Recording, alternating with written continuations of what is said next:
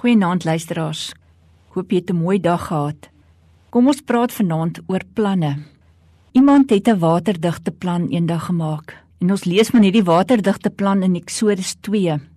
Langer kon sy hom nie wegsteek nie. Daarom het sy 'n bisie mandjie gekry en dit met klei en pik dig gemaak. Sy het die seentjie daarin neergelê en dit tussen die riete aan die kant van die Nyl gesit. Wanneer jy in 'n taamlik uitsiglose situasie verkeer, kan jy op een van twee maniere reageer. Jy kan jou deur die stroom laat meesleer en soog onder die druk om mee te gee. Of jy kan 'n kreatiewe oplossing soek en dit in vertroue en in afhanklikheid van God aanpak. Jogebed se kinders het in lewensgevaar verkeer. Wat meer kan 'n ma se hart van vrees laat saamtrek? As sy die opdrag dat alle Hebreëse seentjies in die Nyl verdrink moes word sou verontagsaam, sou sy haar eie lewe ook in gevaar stel.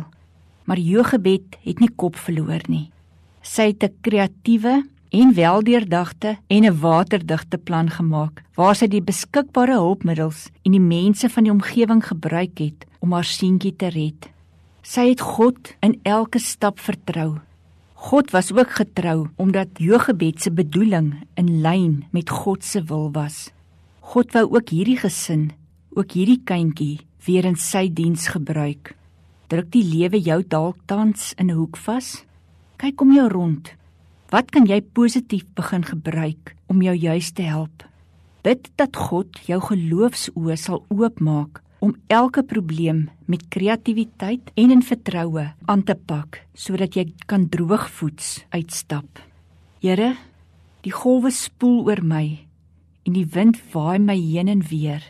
Ek wil soms net gaan lê uit pure moedeloosheid, maar ek kan die wind en die golwe gebruik om my tot op die strand uit te spoel, want ek weet U het nog 'n taak vir my. Maak my nou kalm en laat my koers hou. Amen.